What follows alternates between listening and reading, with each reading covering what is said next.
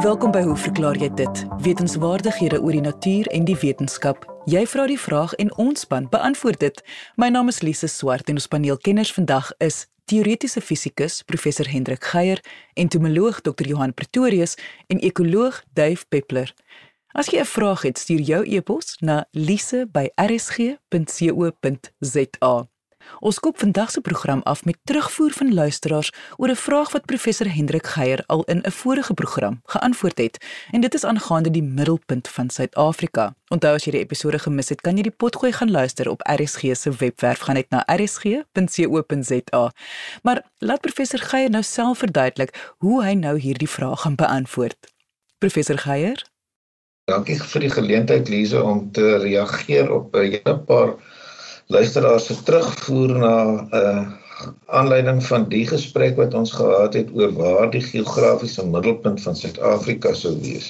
En ek het besef dat ek miskien uh, afgesien van direk reageer op van die terugvoer dalk ook nog 'n paar uh addisionele dinge kon byvoeg by die vorige gesprek om om van die definisies wat mense teekom wanneer hierdie kwessie van die middelpunt of die geografiese middelpunt van een of ander stuk aarde tipies 'n land of 'n kontinent ter sprake kom uh om om daai gesprek nog 'n bietjie verder toe te lig. Maar kom ek begin uh, lees met 'n skrywe wat ons gehad het van Abraham Verreine uh, wat onder andere nou skryf dat hy soos hy sê vir sy slim rekenaar gevra het om 'n sirkel te trek deur die vier uiterste punte. Nou miskien moet dit werk om net weer aandag daarop te vestig dat die vier uiterste punte van Suid-Afrika as mense nou praat wat is die mees noordelike, suidelike, westelike en oostelike punte dan is dit onderskeidelik uh, die suidelike punt waarskynlik een van die mees bekendes dis Kaap Agulhas by so bietjie meer as 34 grade suid en 20 grade oos. Die westelike punt by Oranjemund waar die Oranje rivier in die Atlantiese Oseaan uitmond. Die oostelike punt is net onder wat bekend staan as Monte Ouro, dis daar naby Kosibaai in KwaZulu-Natal. En die noordelikste punt uh, lê op die Limpopo rivier, uh skynbaar op 'n plaas met die naam van Oevervlakte en 'n mens kan ook sy koördinate nagaan. Maar dit is uh, as jy nou op 'n kaart gaan kyk waar hierdie plek is, hierdie dit is so 'n boggel in die Limpopo rivier uh op die grens met uh, Zimbabwe by net so bietjie meer as 22 grade suid en so bietjie meer as 29 grade oos maar daar is nie ander inligting bekend daaroor as dat dit op hierdie plaas met die naam van Oevervlakte is. Nietemin uh, wat Abraham Verreine nou vir ons sê is hy het nou sy rekenaar gevra en goed, hy moet 'n manier hê om een of ander algoritme in te span om deur hierdie vier punte 'n sirkel te trek en wat hy dan nou uiteindelik gedoen het is om die middelpunt van hierdie sirkel te vat en dit te beskou as die middel geografiese middelpunt van die land. Nou Abraham ek bevrees dat daar's nou twee probleme met met hierdie konstruksie. Die een is dat dit een van die arbitreëre tipe konstruksies is en ek sal nou nou by 'n paar ander uitkom wat mense gebruik om nou 'n punt te bepaal. En tweedens is dit nie moontlik om 'n sirkel met vier vooraf bepaalde punte te trek nie. Drie punte definieer 'n sirkel. So as jy drie punte op die plat vlak neersit, is daar een sirkel wat deur al drie gaan dit is net toevallig as as dieselfde sirkel nou deur 'n vierde punt wat jy in gedagte gehad het sou gaan. So dit lyk vir my jou rekenaar het waarskynlik 3 van hierdie punte gebruik en 'n sirkel getrek en dan is dit toevallig so dat hierdie sirkel baie naby aan die vierde punt deurgaan. En op die manier kry jy dan 'n middelpunt van 'n sirkel wat deur ten minste 3 en naby 'n vierde punt, dis nou hierdie uiterste punte op die kaart gaan. So hierdie konstruksie van van Abraham uh, gee hom dan 'n middelpunt van 'n sirkel wat so 'n bietjie noord van Kimberley dalk 'n klein bietjie wes van noord lê, maar dis beslis nie erns tussen Bloemfontein en Kimberley nie. So wat Abraham nou gekonstrueer het is 'n manier om 'n punt te kry, maar dit is 'n arbitreëre konstruksie en ek dink meestal nie noodwendig baie akkuraat nie en ek kom nou terug by van die ander konstruksies wat voorgehou word een ander konstruksie en dit is nou nie iets wat wat een van die luisteraars noodwendig met ons gedeel het nie. Ek kom nou nou terug by die terugskrywe is om eenvoudig die hierdie vier punte wat wat Abraham in sy konstruksie gebruik het ook te vat en die noord en suidpunte met 'n reguit lyn te verbind en dan die oos en wespunte met 'n reguit lyn en dan die kruispunte vat as die sogenaamde geografiese middelpunt. In die geval van Suid-Afrika werk hierdie konstruksie nie te sleg nie. Dit bring jou op by min of meer die punt wat ons tevore bespreek het daar uh, tussen Bloemfontein en Kimberley meer spesifiek uh so bietjie wes van Petersburg. Dit is nou as jy nou van Bloemfontein af met die trein ry Kimberley toe gaan jy by Petersburg verby en ons kom nou nou by 'n haltetjie met die naam van Emmaus vir twee luisteraars uh, die naam van uh onder ons aandag gebring het en ek praat nou graag daaroor maar of net nog sal ek daaroor gesels maar die konstruksie van die noordelike en suidelike punte verbind en die oostelike en noordelike punte verbind en die kruispunte gebruik is ook 'n arbitreëre konstruksie en 'n mens kan sien hoekom daar in die algemene probleem met so 'n konstruksie sal wees as jy dit nou sou wil voorhou as die die manier om die middelpunt te bereken. En ek dink Namibië gee vir ons 'n baie goeie voorbeeld want Namibië het mos nou hierdie dun maar stukkie die Caprivi strook wat heelwat oos uitstrek van Namibië se hooflandmassa af. En as 'n mens nou hierdie konstruksie van die twee uiterste punte oos-wes en noord-suid uh, met mekaar verbind en die kruispunt vat, dan kan jy nou sien die feit dat hierdie Caprivi strook so ver oos uitstrek, gaan die kruispunt eintlik kunsmatig ver na die ooste kant toe skuif as 'n mens op die manier 'n punt sou gaan bereken sal dit nie jou eerste reaksie wees dat dit nou noodwendig die sogenaamde middelpunt van Namibië is nie. Dit sou jy baie makliker kry deur eenvoudig van Caprivi te vergeet. Om die rede dink ek is dit nie te vreemd dat die mees algemeen aanvaarde definisie van die geografiese middelpunt van 'n omgewing die swaartepunt is nie. En ek miskien net by sê in die vorige eeue is byvoorbeeld die sogenaamde geografiese middelpunt van Europa ook op hierdie manier bereken deur vier uiterste punte oos, wes, noord, suid uh of te verbind of om te vra is daar 'n punt wat ewe ver van al hierdie punte af lê maar met die daar het 'n mens dieselfde probleem as wat Abraham met sy sirkel het. Jy kan 3 punte gebruik en 'n punt kry wat ewe ver van hulle almal af is, maar hy gaan nie noodwendig dan dieselfde afstand van die vierde punt af wees nie. So jy kan hoogstens 3 punte gebruik om op hierdie manier 'n punt te definieer en dit is nie noodwendig dan uiteindelik versoenbaar met die gedagte dat jy 'n punt gaan kry wat ewe ver van al die verste uithoeke af is nie. Hoe dit ook al sê, die bepaling van die swaartepunt van van 'n landmassa as jy dit nou op 'n plat vlak sou teken lyk vir my na die enigste volledig sinvolle manier om om werklik van van so 'n geografiese middelpunt te praat. Nou interessant genoeg het Johan Visser vir ons geskryf en hy het aangehaal uit 'n boek van ene BP Erasmus. Hy haal hier uit uh, aan uit die Engelse weergawe van On Route in South Africa En wat Johan onder ons aandag gebring het is dat waar mense nou in hierdie boek bladsy 384 in die Engelse uitgawe onder Petersburg lees, daar is 'n inskrywing wat sê dat plekkie met die naam van Emmaus na bewering die die geografiese middelpunt van Suid-Afrika is. Nou ongelukkig uh, bevat hierdie aanhaling geen verwysing na hoe hierdie punt bereken is nie. Maar as ons nou reg onthou die die die konstruksie wat ek gemaak het om die swaartepunt te bereken, bring 'n mens baie naby aan hierdie plekkie. Emmaus uit, dit is nou so 20 km verder wes van Petersburg op die spoorlyn tussen Bloemfontein en Kimberley met koördinate 29,032 grade suid en 25,248 grade oos. So hier het ons nou ten minste 'n naam vir 'n plek wat daarop aanspraak kan maak dat dit die geografiese middelpunt van Suid-Afrika is en ek gaan nou, nou nog ietsie sê oor Emmaus. Maar dit bring my by die derde skrywer wat ons gekry het van Erna Marie van Polokwane wat met ons gedeel het in episode waar sy en 'n klomp van haar geesgenote en vriendinne wat hulle self as die klowerinne beskryf het op 'n virtuele reis deur Suid-Afrika gegaan het en sy het 'n sogenaamde blok gehou van hierdie reis wat vir hele klompie maande geduur het en hulle het hulle reis virtueel by Emmaus afgesluit. En ek neem aan Erna het van hierdie punt geweet omdat sy dieselfde boek as wat uh, Johan Visser vir ons van vertel het uh, onder oë gehad het. Hoe dit ook al sê hierdie klomp uh, reisgenote het geweet dat Emmaus as die geografiese middelpunt van Suid-Afrika beskou word en hulle het hulle reis uh, by die punt afgesluit en ek moet sê Erna skryf nogal baie onderhoudend oor al hulle ervarings. So ek dink ek moet die storie nou afsluit Lize deur net ietsie te sê oor Emmaus. Uh Emmaus is was op 'n stadium 'n halte langs hierdie spoorlyn tussen Bloemfontein en Kimberley. Uh daar is geen halte meer nie. Daar's nog 'n bordjie langs die spoorlyn wat sê Emmaus, so jy kan dit nog lees. Uh maar van Emmaus self is daar niks meer oor nie.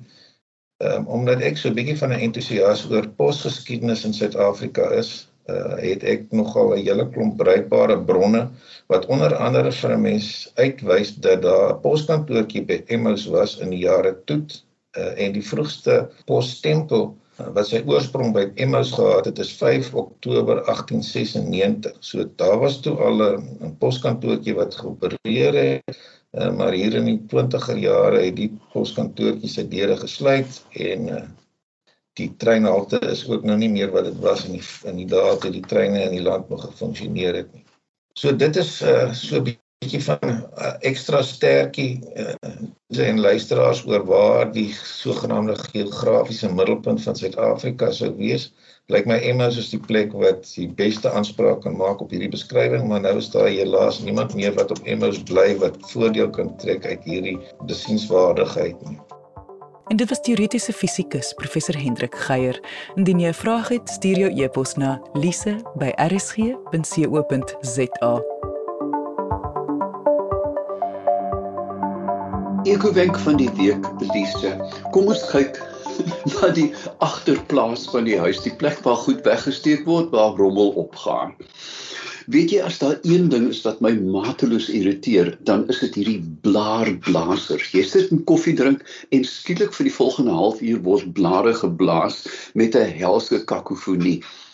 Gebruik 'n hark en word fiks. Moenie hierdie blasers gebruik nie probeer gras aanplant wat nie soveel gesny moet word nie. En as dit gesny moet word gebruik liefs 'n elektriese grassnyer as om 'n petrol een te gebruik. Want die ding gebruik brandstof en jy sit met ou olie.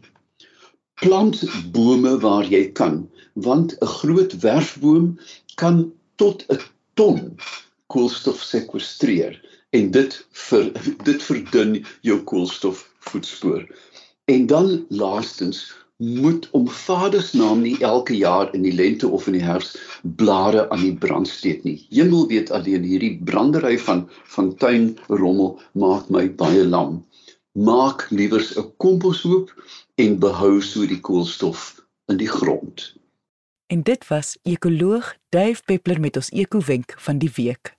Jy luister nou hoe verklaar jy dit? My naam is Lise Swart en behalwe vir ekoloog Duif Peppler is ons gaste vandag teoretiese fisikus professor Hendrik Geier en entomoloog Dr Johan Pretorius. Indien jy nou eens ingeskakel het en graag die volledige episode wil luister, onthou jy kan die pot gooi. Gaan luister op RSG se webwerf, gaan net na rsg.co.za.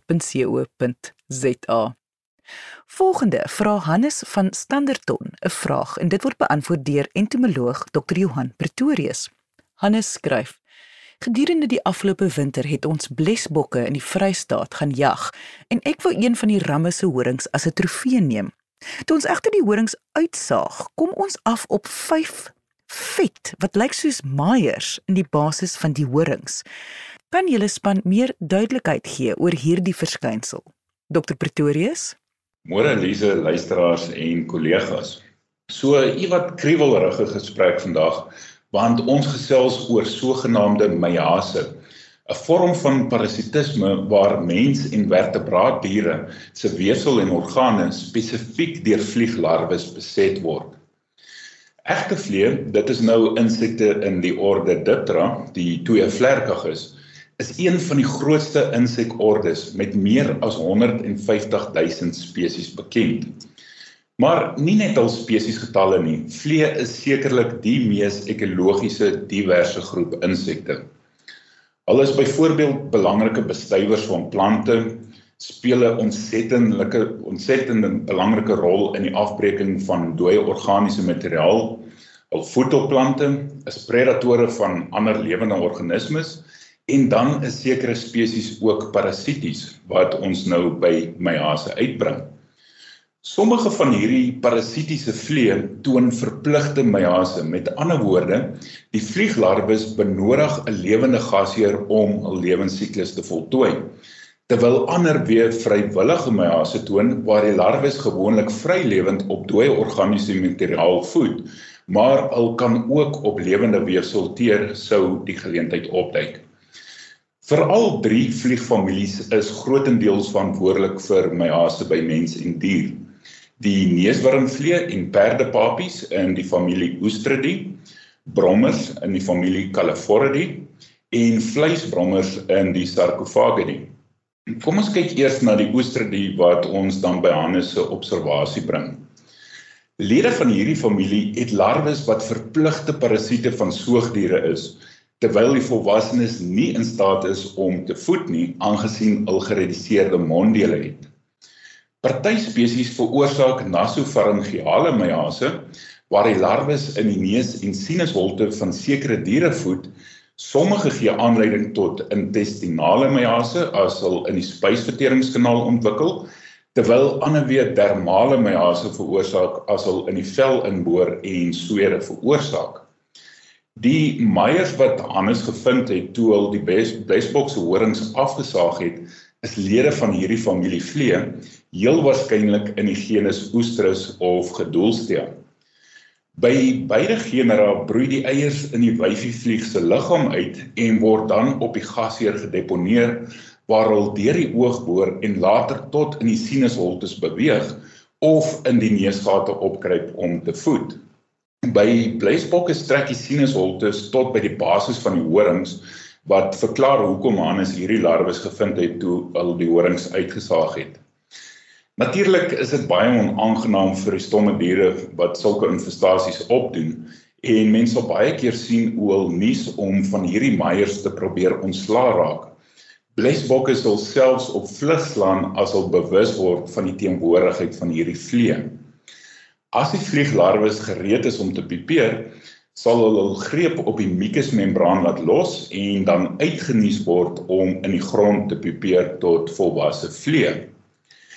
Hier in Suid-Afrika soos in ander wêrelddele waar daar ook met skape en bokke geboer word, vind ons die skaapneuswurm of kopwurm Oestrus ovis waar die wyfie naby skoppe skape se koppe sweef en dan blitsvinnig nader vlieg en 'n larwetjie in die neusgat opskiet met haar abdomen. Daar is selfs gevalle waar mense, veral skaapwagters van hierdie larwes in die oog gekry het en wat dan hul sig affekteer. Maar dis gelukkig is die mens nie 'n natuurlike gasheer vir hierdie vlee nie. Ek is seker baie van die luisteraars is ook bekend met perdepapies in die genus Gastrophilus, ook lede van die Oestridae.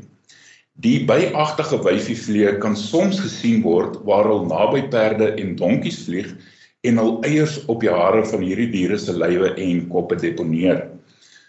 In baie gevalle kan mens selfs die eiertjies op die perd se lyf sien, veral op die bors en rondom die knieë. Dit lyk amper soos klein grassaadjies of vers spatseltjies. Die eiertjies broei uit as dit deur die dier nat gelek word en die larwes boor in die epiteelweefsel van die mond of tong in van waar hulle na die maag migreer en intestinale meiase veroorsaak. Hier reg die larwes hul aan die maagwand vas om op die gasheer se bloed en ander vloeistowwe te voed en word later deur die mis uitgeskei as hulle gereed is om te pipeer. Behalwe vir die perdepapies is daar ook naverwante vliegspesies wat meiase in die spysverteringskanaal van wilde diere soos renosters en olifante veroorsaak. Lise een van hierdie spesies, ehm um, Gyrostigma rhinocerontis wat meiase in renosters veroorsaak, is die grootste vlieg in Afrika met 'n liggaamslengte van 2.5 tot 4 cm en 'n vlerkspan van 7 cm. Dan is daar ook ander lede van hierdie familie soos die velpapies wat in die vel van die gasheer inboor en later dermale en subdermale meiase veroorsaak. In die Amerikas en ander lande in die noordelike halfrond veroorsaak lede van die genus Hypoderma groot verliese veral by beeste. Hier in Suid-Afrika het ons lede van die genus Strobel-Oestrus wat gewoonlik boksoorte infesteer, maar van tyd tot tyd termale meiase by bokke, skape en beeste veroorsaak. En mense kan ook as gasheer vir hierdie vlee dien. Net 'n vinnige staaltjie. 'n Voormalige professor Dr. Brett Radcliffe doen gereeld veldwerk in Sentraal en Suid-Amerika. Op een van hierdie ekskursies het 'n larwe van die mens papievlieg Dermatobia hominis in sy vel ingeboor. En in plaas daarvan dat hy die larwe laat verwyder het, is hy terug FSA toe waar hy geduldig gewag het totdat die larwe klaar ontwikkel het, net om te sien hoe die proses verloop. Lise van hierdie vlees ook slings as 'n vlieg nou slings kan wees, aangesien al, al eiers op intermediêre vektore deponeer om direkte kontak met die gasheer te vermy wat hul dood kan beteken of die gasheer op vlug kan laat slaan. Die parasitiese vlee vang insekte soos muskiete en huisvlee of ander geleedpotige soos bosluise wat gereeld in kontak met 'n gasheer kom, lê hul eiers op die liggaam van hierdie vektore en laat hul weer vry. Sodra die huisvlieg of muskiet dan 'n gasheer opspoor, sal die parasitiese vlieg se eiers blitsig uitbroei en die larwe sal in die gasheer se vel inboor. Brommers, dit is nou die familie Califoridae, veral sogenaamde skaapbrommers in die genera Lucilia en Chrysomya, is van groot veeartsenykundige belang vir die skade wat hul by lewende hawe kan veroorsaak, veral by skape. Hierdie vlee toon vrywillige meiase aangesien hul op verrottende vleis en ander organiese materiaal of lewende weefsel kan voed.